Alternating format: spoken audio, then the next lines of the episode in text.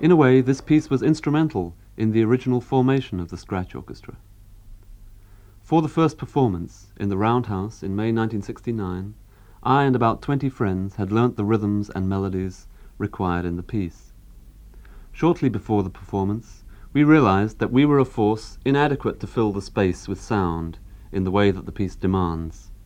So each of us, and prominent amongst these friends were a few engaged in part time teaching John Tilbury, Gavin Bryars, Michael Parsons, as well as many gifted composers such as Howard Skempton, Michael Chant, Christopher Hobbs, Hugh Shrapnel. Each one of us set about recruiting friends, family, and students to swell the ranks. This larger gathering was the beginning of the Scratch Orchestra, and the composition of the remaining paragraphs of the Great Digest has been pretty much tied up with this orchestra. Particularly paragraph 5, which in a way is my view of the composition of the orchestra as it now exists, with its high level of differentiation of actions and functions. Paragraph 2, on the other hand, is long and undifferentiated. Michael Parsons gave me an illuminating reference for the piece. He says that Buddhist monks go to a waterfall to practice chanting. The waterfall can't be drowned, but it inspires the voice to high levels of power and quality. In this piece, the voices fight a losing battle with the sound of the drums. Occasionally, a voice may seem equal to the situation, but due to the long duration of the piece, they increasingly prove inadequate.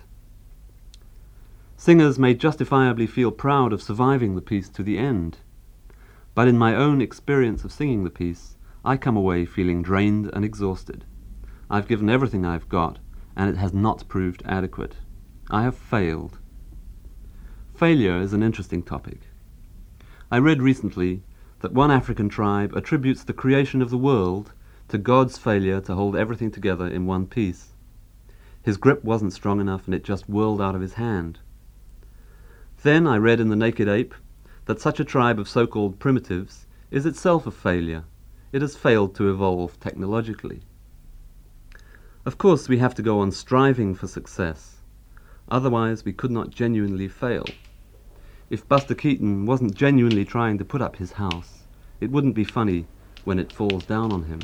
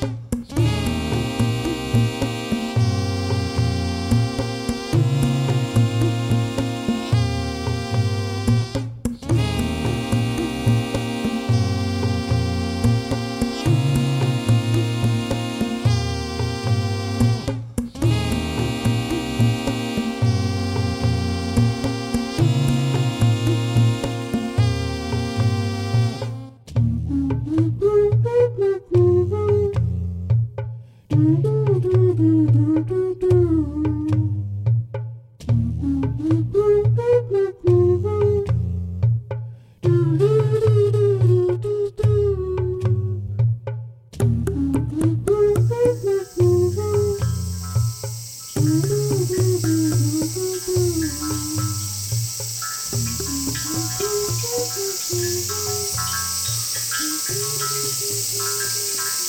you.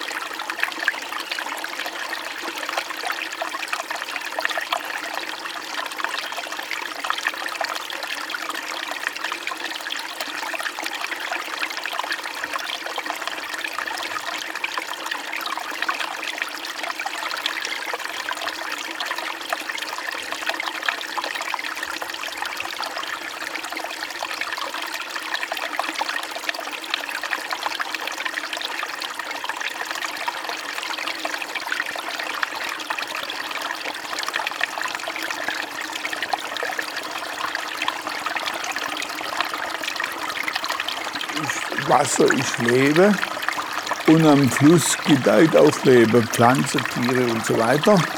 Und da möchte ich, oder muss ich bemerken, zu dem Reg gibt es auch kleine Flüsse.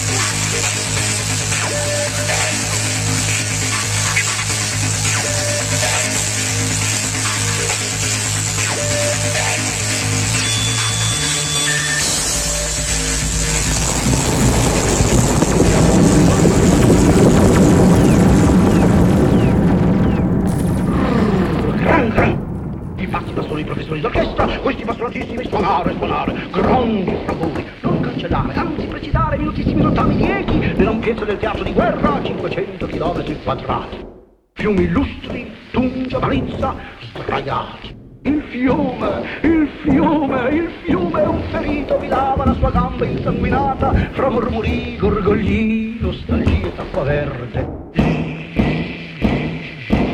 Al due palchi rogione, duemila snappe, sbracciarsi, sbracciarsi, esplodere, esplodere, esplodere, fazzoletti bianchissimi, piedi d'oro. Tum, tum,